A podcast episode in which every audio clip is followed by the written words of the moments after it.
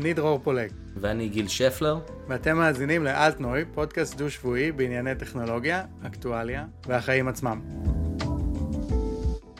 מה קורה, וואי, גיל? וואי וואי, בסדר, אני, אתה יודע, לוקח פה אה, הפסקה קלה מהמונדיאל. רואה הרבה כדורגל בזמן האחרון. אז נו, החבר'ה שלך מנצחים. הם מנצחים רק כדי, החבר'ה שלנו זה האנגלים, אוקיי? כי גד- גדלתי שם, והם הם מנצחים רק כדי שאני אה, אטפח ציפיות, ואז אני אתאכזב כשזה הכל יתרסק לי אה, בידיים. כן, ומעניין, המשחק מול איראן, אה, אתה יודע, זה, עדיין יש לו מין טונים פוליטיים והיסטוריים מאוד מאוד, גם לפעמים צורמים וגם מאוד עמוקים, ומעוררים הרבה רגשות פה במרחב. לגמרי, אני חושב שהקולוניאליזם, או לפחות ההיסטוריה של הקולוניאליזם, זה, זה רוח שנושבת סביבנו, אנחנו לא רואים אותה, אנחנו חשים בה כל יום, בין אם זה במשחק כדורגל בין אנגליה ואיראן, איראן המושב, לא מושבה, אלא טריטוריה שהחזיקו בה בעבר, או קטר שקיימת רק בזכות הבריטים אגב, לא הייתה מדינה קטרית, אם הבריטים לא היו פרוסים עליה חסות נגד בית, בית אה, סעוד, אז אני חושב שזה נושא שהוא מאוד רלוונטי. וכמובן, אה, כמו יהודים וישראלים, כל דבר שקורה בעולם הוא קשור אלינו איכשהו. וזה מזכיר לנו באמת את התפקיד הבריטי במזרח התיכון ובעיצוב המציאות שלצערנו עד היום אנחנו מתמודדים איתה. אה, ובשבועות האחרונים עלתה בערוץ אחד, בערוץ 11 אני חושב קוראים לו היום, אה, סדרת יהודית חדשה של היוצר ירון ניסקי, יחד עם אבי מרקדו ודני אשור, שבעצם חוזרת לימי המנדט הבריטי ומתבססת על חומרים ארכיוניים חדשים, סודיים, שפורסמו, אה, נמצאו לאחרונה, אה, ובעצם שופכת ככה אור חדש על מה הבריטים ניסו לעשות, למה הם ניסו לעשות את זה, ואיך הם, זו הטענה של הסדרה, בעצם יצרו את הזירה של הסכסוך בין הפלסטינאים לישראלים באופן שהוא כמעט בלתי נמנע, ושלנו כמשתתפים בו היה הרבה פחות כוח לעצב אותו ממה שאנחנו חושבים. אה. כדי לצלול לתוך זה, הזמנו את ירון ניסקי, אחד מיוצרי הסדרה, שהוא גם יוצר תיעודי אה, פורה מעבר לכך, אה, הוא יצר סדרה על, על ההיסטוריה של העבדות, הוא יצר סדרה שנקראת אויבים, שככה מייצרת פרופילים מודיעיניים של כל חברינו, מקדאפי ונאצר עד ערפאת וחאג' אמין אל-חוסייני. אז הזמנו את ירון ככה לספר לנו מה, מה באמת חדש בימי המנדט, ומה אנחנו יכולים ללמוד מזה על אה, ימינו אנו. מסתבר שלא מעט, אז אה, יאללה, בוא נקשיב, אה, בוא נשמע מירון. אז ירון, ברוך הבא, נעים להכיר. נעים להצטרף, תודה רבה. אז המנדט הבריטי הסתיים לפני יותר מ-70 שנה. אה, מה, מה משך אותך בחזרה לעניין הזה?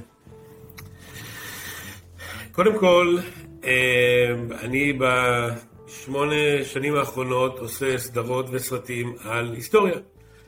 אה, זה משך אותי תמיד התחום של, של היסטוריה, יש לי גם תואר בהיסטוריה, אבל רק בשמונה שנים האחרונות אני ממש אה, עוסק בזה גם בעבודה שלי בטלוויזיה, שעשיתי דברים אחרים. אה, ומחפשים כל הזמן, אני והצוות שלי, סיפורים מאוד מעניינים, ושני החבר'ה שיצרו איתי את הסדרה, אחד מהם, אבי מרקדו, עבד איתי גם בפרויקט אה, קודם על סחר עבדים, אה, ובחיפושים של כל מיני דברים, אה, הדבר הזה עלה, הוא תמיד היה ברקע, אבל פתאום הגיעו, הגיעה ההבנה שיש מסמכים חדשים, עדויות סודיות שפתאום צפו, ואפשר לספר את הסיפור אחרת. זאת אומרת, מה קרה באמת?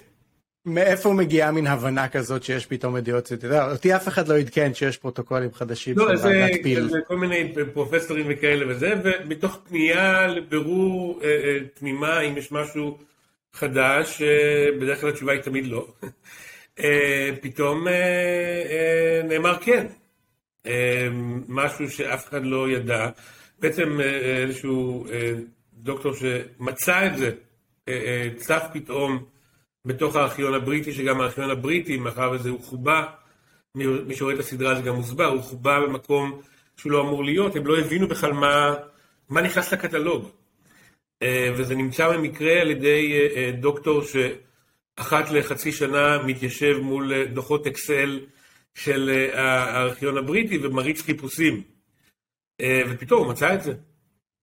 הוא גם לא... עכשיו בעצם, אז בעצם חומר הגלם הוא סוג של פרוטוקול סודי של ועדת פיל, שהפרוטוקולים הרשמיים אפילו לא הזכירו שהוא קיים, כלומר הוא היה עד כדי כך סודי, שהבחור נכון. שהיה אחראי עליו היה אמור להשמיד אותו, אבל הוא החליט לשמור אותו למען ההיסטוריה והדורות הבאים, ובאמת... אה, זה מדהים שהוא עשה את זה, הוא כתב מכתב... מצאנו אותו. ממש מרגש לקרוא את, את מה שהוא כתב, כי הוא כתב, אני מחביא את זה בשביל מישהו בעתיד, הוא, הוא כתב את זה בשבילנו. אה, אמ, וזה ממש דבר נדיר, אה, שמישהו אומר, את זה אתם צריכים לדעת. וחשוב להגיד, ועדת, ועדת פיל, ב-37, פעם ראשונה שרעיון החלוקה עולה. Mm-hmm. והעדויות הסודיות הן בעצם מה באמת חשבו כל הנוכחים, וכל ה... כמעט כל מי שנשאל שאלה אומר, קודם כל אני, אני רוצה לוודא, זה לא מתועד, נכון? כי אסור שידעו מה אני אומר. אומרים לו, אל תדאג, אין שום תיעוד, שום דבר, שום דבר, אבל בריטים, אז הם תיעדו. אז זה בעצם כמו מין התת מודע או הסאבטקסט של, של, של, של מין חתיכה גדולה מההיסטוריה של, של המזרח התיכון. נכון. אז מה באמת הפתיע אותך בחומרים האלה, בפרוטוקולים החדשים?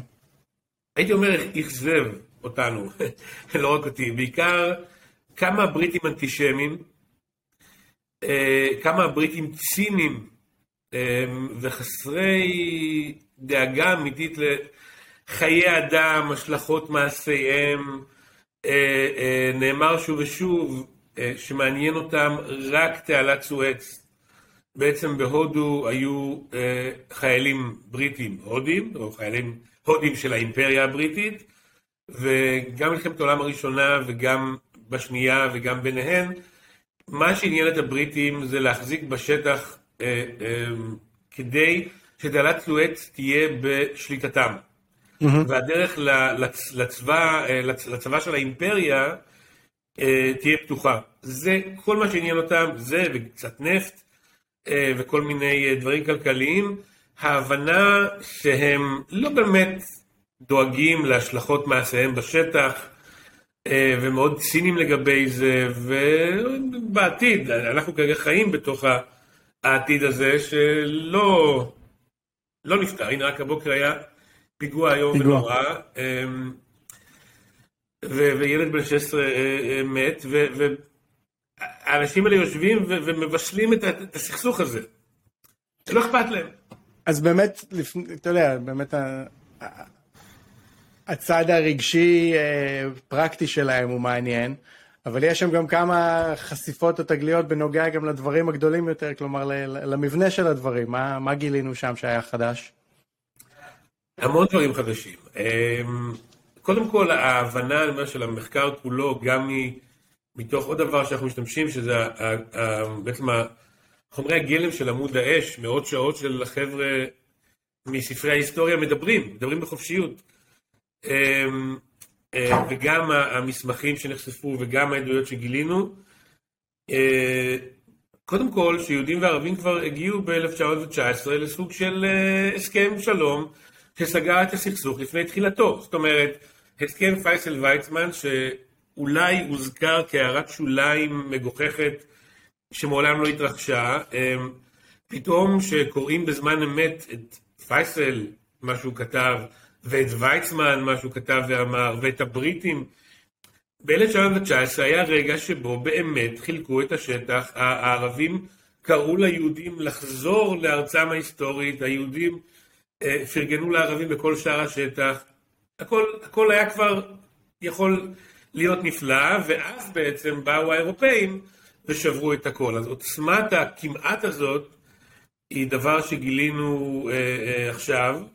שזה לא היה הערת שוליים מגוחכת, זה לא היה איזה משהו שלא קרה, זה קרה, זה פשוט בוטל מיד אחרי זה. אמ, ו, אה, וגם, שוב אני אגיד, האנטישמיות של הבריטים, וגם אז, בוא נגיד, מצד אחד הם, הם גזענים כלפי הערבים בצורה איומה. אמ, ו, אה, וכלפי היהודים, גם אלה שנחשבים מתוכם, נגיד, לציונים בהנהגה הבריטית, כמו לואי ג'ורג', שהיה ראש הממשלה, הוא חתיכת אנטישמי. בחדרים סגורים הוא אומר היהודים הם עם מסוכן, הם מסוכנים, צריך להיזהר. הוא מציג את הפרוטוקולים של זקני ציון בתור חומר מודיעיני שהמודיעין הבריטי השיג, זאת אומרת הפרוטוקולים פורסמו כמה שנים לפני זה, והם השיגו חומר מודיעיני שאומר, היהודים שולטים בעולם, יש מועצה סודית. נגיד ההשפעה של זה, לדוגמה, על הצהרת בלפור, היא, היא מדהימה, משהו, אירוע אנטישמי. הצהרת בלפור היא פשע שנאה, אנחנו רואים אותו בתור, גם אגב, הישג דיפלומטי מדהים של ויצמן, שאגב הבין שהם חושבים שהוא שולט בעולם ופשוט לא הכחיש את זה. זרם איתם. אז, אה, אבל הם חשבו שהם חייבים לרצות איזושהי מועצת זקנים אה, יהודית. אוקיי, okay. אני רוצה לחזור למה אם הזה שהזכרת עם פייסל אה, חוסיין שמקבל את ה... לוקח ליתר דיוק את השליטה בדמשק ואז הצרפתים באים ביחד עם הבריטים עושים לו את התוכניות. זה נשמע כאילו מה יכול היה להיות אולי מדינה יהודית לצד מדינה ערבית גדולה יותר, כמה קרובים באמת היינו למציאות כזאת? כלומר, זה באמת היה יכול לקרות? זה היה קרוב או ש... אני יכול להגיד לך מה, מה, שאלה מצוינת, אני יכול להגיד לך מה בוודאות אני חושב לא היה קורה. לא הייתה נוצרת ישות של ערבים פלסטינים. אמ, היה, אה, פייסל אמנם נכנס לדמשק בסוף של אירוע צבאי, שבו הטורקים בורחים, אבל הלאומיות הערבית אה, כן התפתחה. היא פשוט התפתחה בתור אה, ממלכת סוריה הגדולה, לא בתור עיראק, ירדן, לבנון וכל הדברים שהמציאו האירופאים. וגם הפלסטינים כאן, וגם המופתי אפילו בעצמו, ב-1919-20 היה לאומן סורי. הוא היה לאומן סורי. אז בוודאות הסכסוך על השטח הקטנטן הזה עם החבורה הספציפית הזאת היה אחר. ללא ספק כבר לפני זה היו סכסוכי קרקעות, ולא כל הערבים היו שמחים שנתקעים להם פתאום יהודים בכל מיני מקומות, שגם יש להם כל מיני דפים שהם קנו את השטח ממישהו בלבנון. לא שהיה פה אה, אה, גן עדן, אבל סכסוך של לאום מול לאום, של הופך לדת מול דת, אני חושב בעוצמות היה, היה נמנע, ואם הערבים היה להם את, את דמשק הגדולה, את סוריה הגדולה, אני חושב שגם יכולתם, נגיד, לפרגן ליהודים, כמו שאומר אה, אה, אה, אבא אבן, the, the, tiny little notch. זה חתיכת פינה קטנה בתוך האימפריה הערבית הזאת. יאללה, שיהודים יחיו שם, זה שלהם מתקופת התנ"ך גם ככה. זאת אומרת, זה באמת הייתה ההבנה, נגיד הסכמי אברהם מאוד מפתיעים, אם לא יודעים את ההיסטוריה, אבל ב-1917, 18, 19, לערבים היה מאוד ברור שהיהודים חוזרים. אה, גם לאירופאים היה מאוד ברור שהיהודים צריכים לעוף להם מהפרצוף ולחזור לאיפה שהם הגיעו במקור. לכל העולם היה ברור שזה מה שצריך לקרות. אז אני לא יודע מה היה, אם היה, היינו מוצאים איזה סכסוך אחר, טוויסט אחר, אני בוודאי לא יכול אה, להגיד שזה לא יכול לקרות. אבל מה שיש כרגע, שהוא ממש נראה בלתי פתיר, אה, לא היה קורה. כן, אני אהבתי מאוד, אני חושב שזאת הייתה בחירה כמובן מאוד מעניינת ולדעתי גם מאוד, אה, מאוד נכונה. זאת אומרת שהפרק הראשון מתרכז בזירה, כלומר היצירה בעצם של הזירה של הסכסוך היא, היא צעד כל כך חשוב ומשמעותי שאנחנו היום לוקחים כמובן מאליו כמעט, אבל בעצם זה, ברגע שזה הוגדר כמעט שלא הייתה דרך שזה ייגמר אחרת, כי לקחת באמת חתיכה, אמרת לאנשים שם אתם לא שייכים לכאן, אתם לא שייכים לשם, אתם פה, יאללה עכשיו עכשיו תריבו ביחד ונראה מה יקרה. האירופאים ממש אה, יצרו בכוח את הזהות הלאומית הפלסטינית. הם כן. בשלב ראשון לא רצו להיות פלסטינים, הם רצו להיות סורים, הם רצו להיות מרחב ערבי, לאומי, אבל ממש הכריחו אותם. כן, וגיל הזכיר גם את דמשק, עוד דבר שקפץ לי שם לעין. זה באמת המרכזיות של דמשק ובגדד כמובן בהיסטוריה של הכמה מאות שנים האחרונות, שזה מה שכל שליט ערבי הוא רצה לשלוט בדמשק ובבגדד. ירושלים הייתה, אתה יודע, מקום מעניין עם איזושהי זיקה, אבל באמת חאג' אמין אל-חוסייני נראה שהוא ממש מיתג אותה מחדש כ- כדבר הכי חשוב בעולם, ומין משהו כזה שצריך להגן עליו ולהתעצבן עליו ולרצות לשלוט בו גם במחיר של כל דבר אחר. לגמרי, זה, זה קצת אה, אה, אובססיה אישית שלי, האיש הזה, שהוא בעצם, אה, אה, עוד לפני שביבי אמר את מה שהוא אמר, הקשקוש שלו על, ה, על זה שהוא שכנע את היטלר, שהיטלר לא היה זקוק לשום שכנוע על, על אה, רצח יהודים, זה היה בלתי אין כבר עוד, עוד לפני, אה, אבל הוא כן אחד המנוולים הגדולים של המאה ה-20, ואיש שנשכח מההיסטוריה, אבל ההשפעה שלו על החיים במרחב הזה היא, היא מטורפת. הוא הצליח לעצב את ירושלים כמשהו של ייהרג ובל יעבור, של הכבוד הלאומי הערבי כולו תלוי בהר הבית, אה, אה, להשכיח מהעולם הערבי שהם תמיד קראו למקום הזה בית המקדש של שלמה, ושזה היה של היהודים. אה, להפוך את העולם הערבי, בפרק באויבים אנחנו גם מראים איך הוא בעצם הפך את, ה, את האסלאם לאנטישמי כנגד היהודים.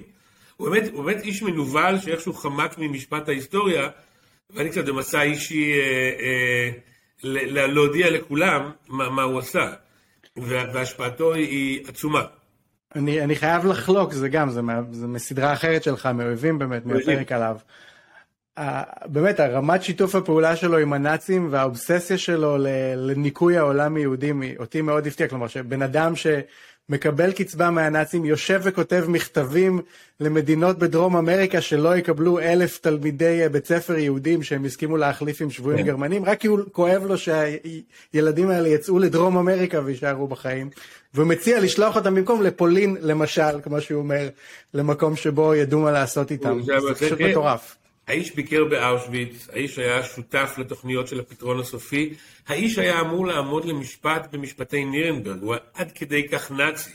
ובאמת, בעלות הברית ויתרו ל-99% מהנאצים, ואמרו יאללה, בסדר, מילאתם פקודות. אז הוא היה מספיק נאצי כדי לחשב לאחד האנשים שצריכים לעמוד לדין, הוא פשוט ברח למצרים. אה, ולא נתן את הדין אף פעם, ונשכח מההיסטוריה. כן, ואגב, מי ש... והצרפתים, אני חושב, נתנו יד לבריחה שלו אה, למצרים. שוב פעם חזרנו לצרפתים. כשבעלות הברית נכנסו, הוא היה צריך בעצם להחליט אם ללכת להזכיר את עצמו לצרפתים או לאמריקאים או לרוסים. הוא קיבל את ההחלטה הנכונה והלך לצרפתים. יש אה, אה, ספר מצוין של דוקטור אדי כהן, אגב, שכותב על המופתי, על התקופה שבה הוא היה, נגיד, אה, במעצר בצרפת, שזה בעיקר, הוא יושב בבית פרטי.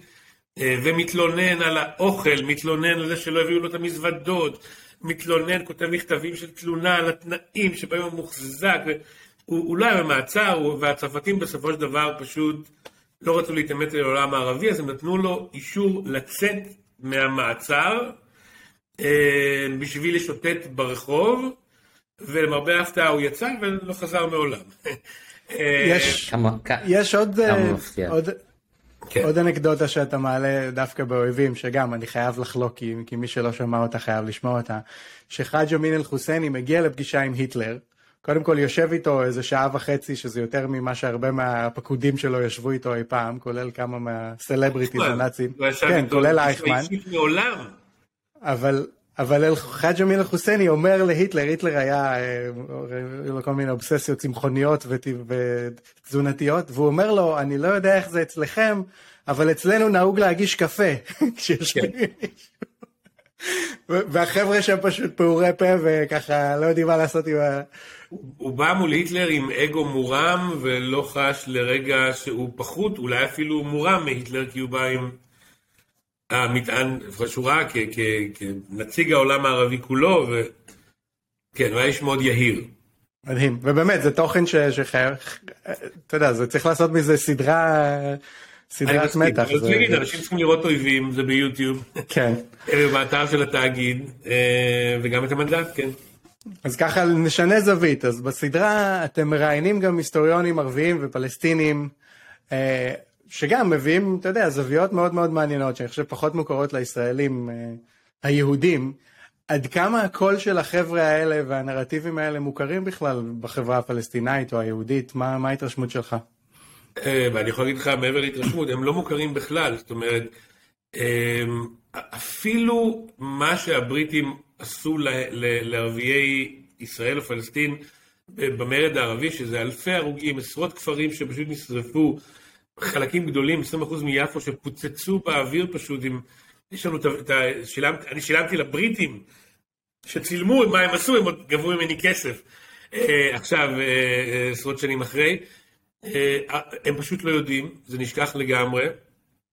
הכל, זרקו הכל על הנכבה. אמרו, יאללה, נרכז הכל על הנכבה לדעתי, אבל הם לא יודעים, הם לא יודעים, כמו שאמר דוקטור ווליד שומלי, הם, לא, הם משוכנעים, הם מאמינים קצת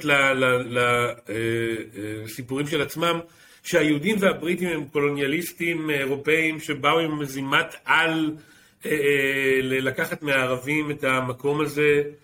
הם, הם ממש לדעתי מאמינים לזה, והסדרה היא, אני אגיד בכוונה רבה, אה, אה, נותנת המון אמפתיה לרגש הערבי וללאומיות הערבית, המון אמפתיה לרגש היהודי וללאומיות היהודית, שאני אגיד אה, בעיני העולם וגם בעיני חלקים לא קטנים לצערי מהיהודים, אה, אה, לאומיות יהודית היא דבר, או פטריוטית היא דבר אה, לא טוב.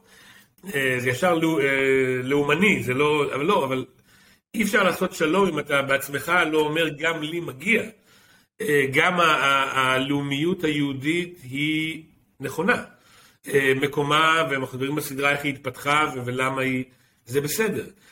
אז היא באה ואומרת, יהודים וערבים, לשניכם, כמו שאומרים גם הבריטים בסדרה, אה, אה, שניכם צודקים, שניכם גם טועים, אה, ומי שצריך באמת לשנוא זה את הבריטים, לא אחד את השני. אני מאוד מקווה, אני יודע שקהלים ערבים התחילו לצפות בה, ואני מקווה, וגם בעולם, אנחנו עכשיו עובדים על לשווק אותה בעולם, אני חושב שהיא תשנה, אני מקווה שהיא תשנה מאוד את התפיסה הזאת של יהודים הם אירופאים קולוניאליסטים שבאו לכאן לקחת משהו. אה, כי הם לא.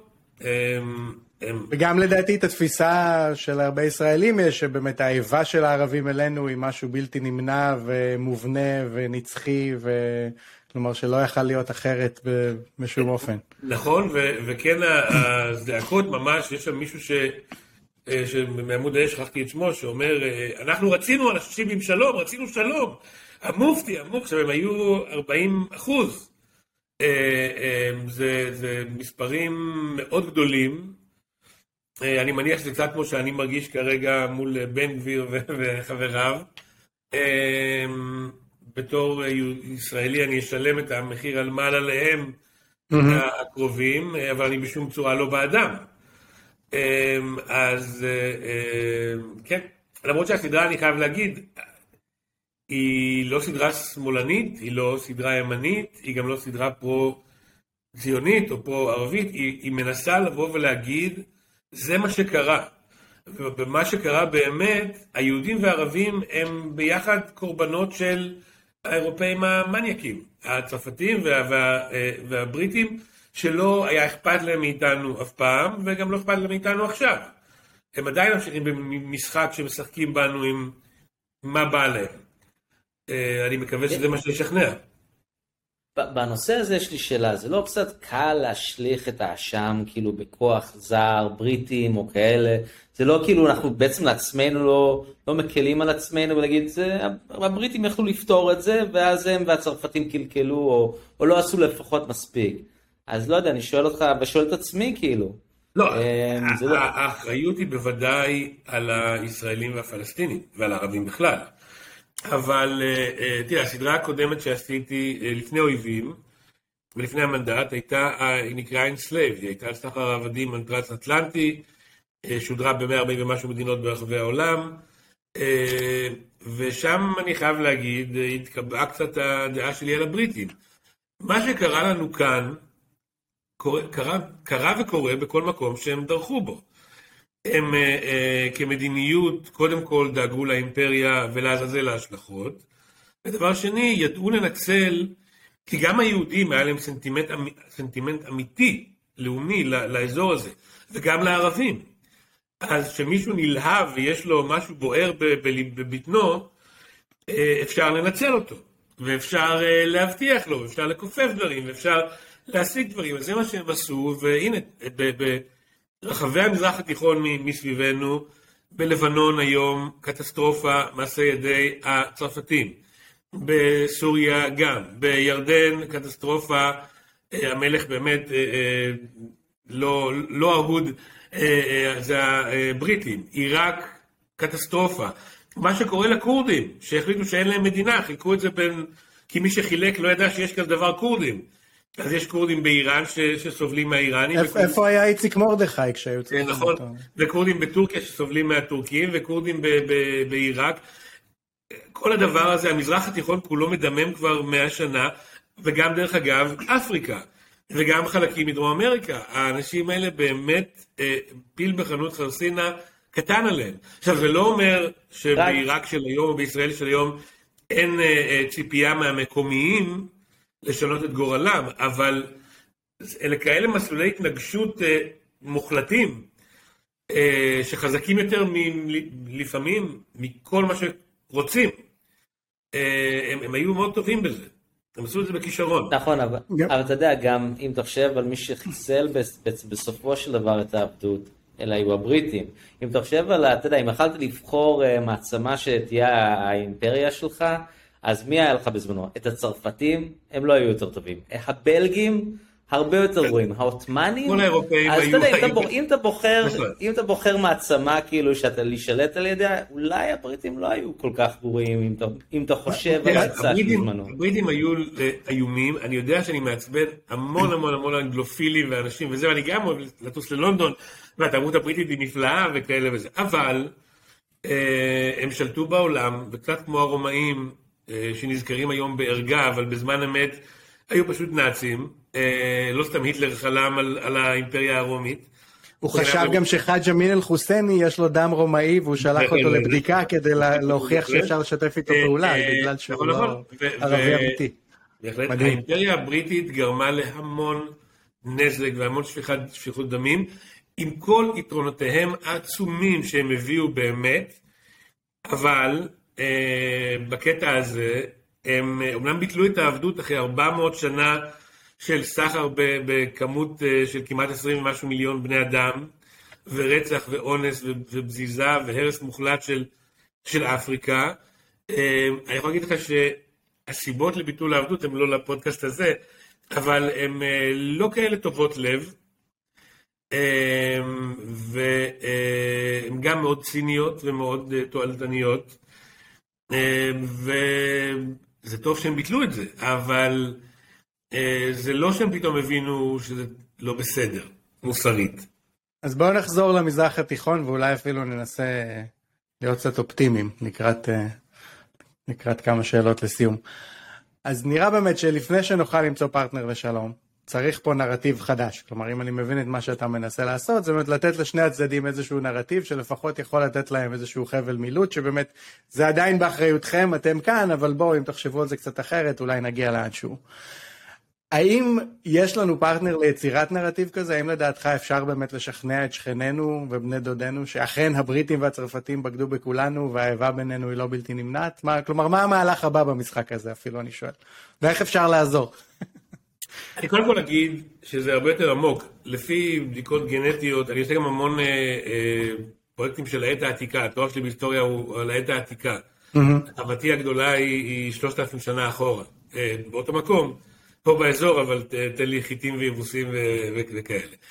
אה, אה, אז בדיקות גנטיות אה, אה, של השנים האחרונות מראות שכל היהודים ורוב הפלסטינים הם אותו דבר, כולנו מכאן, אה, רוב הפלסטינים גם היו יהודים לפני שהתאסלמו.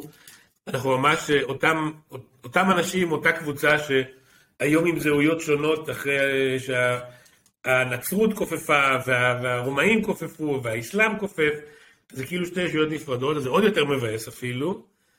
אמ, אני לא יודע, תראה, אני יכול להגיד שלא רק הפלסטינים, גם בישראל, אני מכונה, אה, או אנחנו בכלל, גם על ידי השמאל המשוכנע, אני אומר, הנחוש, אה, אה, כפשיסט ציוני שעושה הסברה, מתנצל...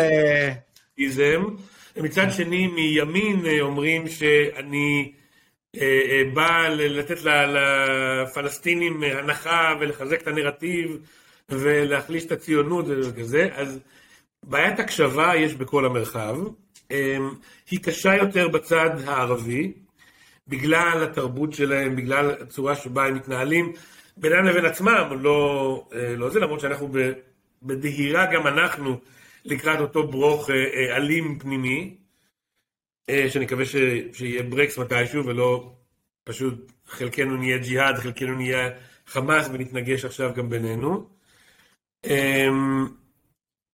אני משוכנע בדבר אחד, אופטימי, ואני אנסה וזה, שהצעד הראשון לפתרון הוא קודם כל להסכים על מה שקרה. זאת אומרת, אפילו עם המומחים שמתראים לסדרה, אני לא מסכים עם מה שאמור לקרות. אה, כי הם רוצים חזרת פליטים מלאה לישראל, ואני כמובן חושב שזה קטסטרופה, וגם לא יכול לפתור שום דבר, רק לסבך אה, עוד ועוד סיעות אה, שלנו, אבל הסדרה היא ניסיון לעשות את הצעד הראשון, להגיד אוקיי בואו נסכים על מה שקרה, ואת הדיון על מה צריך לקרות נתחיל אחרי שמסכימים על מה שקרה, שבוודאי לעולם לא ייפתר כלום אם לא מסכימים על מה שקרה. אה, באויבים אגב, יש פרק על ערפאת, וזכיתי ביחד עם השותפים שלי באויבים לראיין את סואה. שהיא אישה, לא יודע אם ראיתם את הפרק, היא אישה מפתיעה ומקסימה ומצחיקה. והנה הייתה עומדת בראש הפלסטינים, אין לי ספק שכבר היה אה, שלום, לכן הם מעולם לא, אה, זה לעולם לא יקרה, אבל הקולות, גם בצד השני, שמשוועים לאיזשהו פתרון שפוי קיימים, הם בוודאי מאוד מינוריים, מדי מינוריים בצד הפלסטיני. אני אגיד בצד הישראלי, הביקורת שלי עליהם היא שהם מאוד מבולבלים. יש כאן, אה, השמאל הישראלי, שהייתי בו פעם והודחתי, אחרי שהחליטו שאני פשיסט, השמאל הישראלי אה, אה, חושב שהוא צריך לשאוף למדינה פלסטינית, זה, זה, לא, צריך לשאוף למדינה יהודית, ולפרגן לצד השני, וזה זה, זה משהו שהוא לא סמנטי. הוא, הוא, אפשר להתפשר, אבל אתה לא יכול לחשוב שאתה רק הרע. זה, זה, mm-hmm. ילך, ובוודאי לא יגייס את, את הציבור הרחב. שמסתכל מסביב ואומר, ישראל והיהודים לא כאלה רעים. אמ, ולכן אה, אה, בשנייה הזאת, כוחות הפיוס נגיד, השפויים, הם לא במצב משהו, אה, אבל אפשר רק לקוות שהם ילכו וישתפרו, וסדרה כזאת, אגב, שאני יודע שגם בצד הפלסטיני מתחילים לראות אותה, אויבים אגב, זוכה להצלחה גדולה בעולם הערבי. בפרק על ערפאת קיבלתי טלפון ואמרו לי, עכשיו במוקטעה כולם יושבים, אבו מאזן יושבים ורואים את הפרק בזמן השידור. אה, אה, וגם על אסד, זאת אומרת, אה, גם אויבים וגם המנדט זה ניסיון להזרים ידע עוד הפעם הזה, וקצת לשחרר את האוטומט הקולני הרגשי, שחשוב גם, אבל אף אחד לא מבוסס כבר על ידע. אה, אז, משהו שרמזת עליו, רמזת עליו קצת באחת התשובות הקודמות, כשהזכרת למשל את תוצאות הבחירות אצלנו. אה, בסדרה רואים כמה מפגשים של אנשי דת וממשל ערביים, אפילו מפגשים דתיים, ובאמת נורא בולט העניין שגברים מוסלמים בלי זקן, בלבוש מודרני, אה, אפילו חאג' אמין אל-חוסייני נראה יותר כמו איזה באמת אה, בחור ש... שהולך לצאת עכשיו לאיזה ערב. הוא למד בבית ספר אליאנס, בית כן, ספר יהודי. למד בבית ספר אליאנס, שזה מדהים. כן. אז נראה שגם האסלאם וגם היהדות עברו איזשהו סוג של רדיקליזציה כ... כתגובה ללאומיות המודרנית, כתגובה לסכסוך עצמו. אה, הרושם הזה נכון? תראה, האסלאם מעולם לא היה חילוני. כן, אבל הוא היה הרבה יותר רך ואתה יודע, הוא לא היה... הוא היה, נגיד, הרבה יותר... הרבה פחות פגוע מהמערב. למרבה הצער התגובה של המרחב הערבי לפגיעה מהמערב הייתה הקצנה מוחלטת, ניתוק מוחלט, אה, ג'יהאד, ג'יהאד, ג'יהאד. ממש אה, אה, נפגעו, אני, אני מסכים, אבל הלכו מיד למקום איום ונורא. יהודים במאה השנים האחרונות, עד ממש לפני שבועיים, היו פרגמטיים. לא צעקו כבוד לאומי, לא צעקו אה, אה, לפוצץ, להפציץ, ולא הבטיחו, מנהיגים יהודים לא הבטיחו דם ואש ושערי גיהנום ונקמות של נהרות דם באויב, זה לא היה יהודי. היהודים שהשיגו את המדינה היו פרגמטיים, היו אה, אה, נבונים מספיק בשביל גם לדעת שהאויב שלך לא יכול אם היעד הסופי הוא תבוסה מוחלטת של האויב, לא תשיג אותו לעולם. אם היעד שלך אומר, מה אני צריך להשיג ומה אני יכול לתת לאויב להשיג, אז תשיג. אגב, גם הסדרה אומרת, ש... ואחד הגילויים לא אמר, זה שבעצם אין מדינה פלסטינית בגלל, בגלל הירדנים והבריטים שלקחו אותה. היהודים לא הסתערו על השטחים שהאו"ם חילק לפלסטינים, היהודים כיבדו אותם. הם התחננו בפני הפלסטינים לשמור על החלוקה הזאת. מי שנכנס בגסות ובכוונה לקחת מהפלסטינים את המדינה זה הירדנים בשליחות הבריטים, אה, והם בעצם מנעו מהפלסטינים מדינה. אני אומר את כל זה כי כרגע ההנהגה שנבחרה היא יהודים שבעיניי הם לא יהודים בכלל. הם, הם, יש במשהו של המרחב הערבי. של אה, אה, רק רמיסה מוחלטת של העולים. לזה אני רומז, שיש פה בעצם, מין, אתה יודע, שגם היהדות כפי שאנחנו מכירים אותה היום, והגזרמים שהופכים להיות דומיננטיים בה, הם סוג של תגובת נגד לא, לכל מה ש... תראה, היהדות אה, היא, אני חילוני, אבל היהדות היא דת נפלאה, יש בה מסורת נפלאה של מוסר. פשוט המוסר היהודי שאותי מפעים, בלי ציניות, הוא לא מה שסמוטריץ' או בן גביר או כל החבר'ה האלה. ברור. לא, אני מסכים איתך, אני רק אומר שבאמת הלאומיות, אתה אומר שזה התחיל לפני שבועיים, אבל הרי הרעיון של ציונות דתית, של חשיבות דתית לגוף הפוליטי, הוא רעיון שהוא מוביל לאיזשהו כיוון לא טוב, גם אם זה לוקח הרבה זמן. וזה שאפילו החרדים מתחילים להיות לאומנים, זו תופעה חדשה, זה לא משהו שהוא... אה, והיא לא בריאה, בוא נגיד ככה. זה עיקום בהיסטוריה שאני לא מצליח כן. להבין, באמת לא מצליח להבין את ה... גם החרדים, גם ה... כל היהדות היא בנויה על מוסר כל כך עמוק, אה, אה, ומה שקורה עכשיו הוא פשוט חריגה מוחלטת מהדבר הנפלא הזה. אה, בכלל לא דומה, זה, זה נהיה אסלאם. אני, אני לא מבין את זה, אני באמת לא מבין את זה. אז בוא נדבר על, על שאלה אחרונה ברשותך באמת, אה, בוא נדבר על העתיד. ציירנו מקודם איזושהי היסטוריה אלטרנטיבית שבה יש אה, מדינה יהודית, גומחה קטנה שחיה בשלום, בדו-קיום עם איזושהי אומה ערבית יותר גדולה.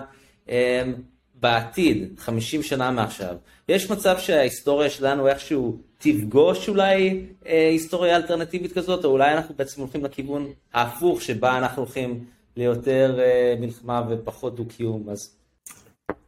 שאלה מצוינת אה, וגדולה מיכולתי לענות. תשמע, אני לא יודע.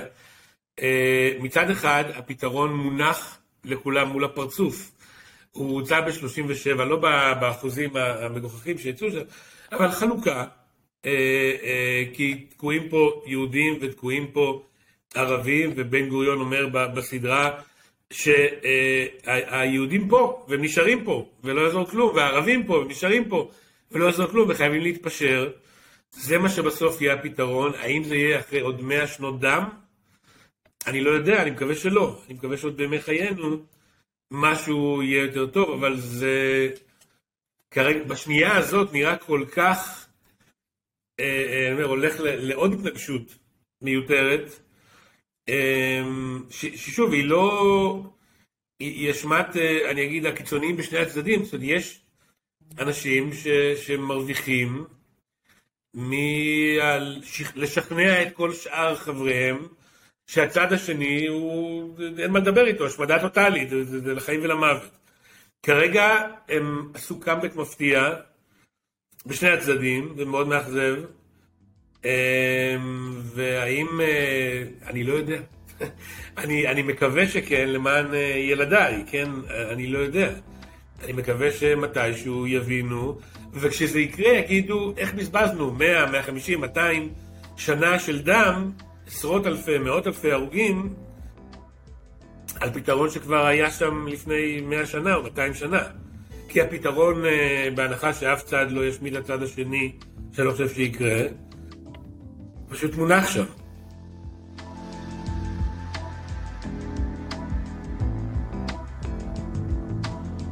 הרבה חומר, ואתה יודע, ירון כותב גם, אה, הוא קומיקאי, הוא כותב גם הומור הרבה, ולא יכולתי שלא לשמוע את מונטי פייתון, שאתה יודע, יש ב-Life of Brian המפורסם, שואלים, אז מה הרומאים בעצם נתנו לנו, כן, חוץ מהאקוודוקטים והשוק ו- וכל זה, אז איזשהו צד של המוח שלי שמע גם כש... שככה כזכות הבריטים גם שמע את הצד הזה. אה, כלומר, אתה בריטי, גם אחרי שניצחתם 6-2, אתה קודם כל יורד להגנה, אתה אומר. אני בריטי כשמנצחים 6-2, כשמפסידים בפנדלים אחרי 120 דקות משעממות, אני, אני חוזר להיות ישראלי. שמע, מה שאמרת עכשיו באמת על מה שעלה לך בראש, זה מזכיר לי, יש ציטוט מפורסם של תום שגב, עוד היסטוריון של הסכסוך, שהוא אמר שהדבר הכי גרוע שהבריטים עשו זה לעזוב.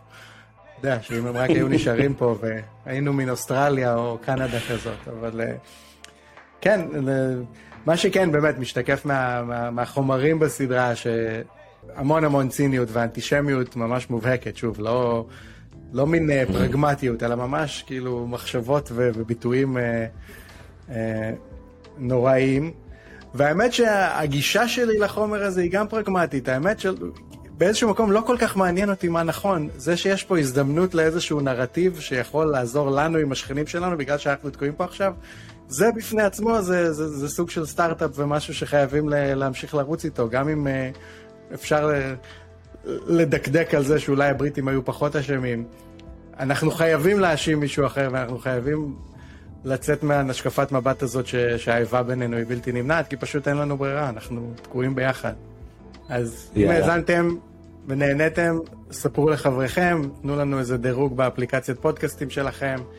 אה, ואם יש מישהו או משהו שאתם חושבים שאנחנו צריכים אה, לצלול לתוכו או להזמין, אה, תכתבו לנו. שוב תודה.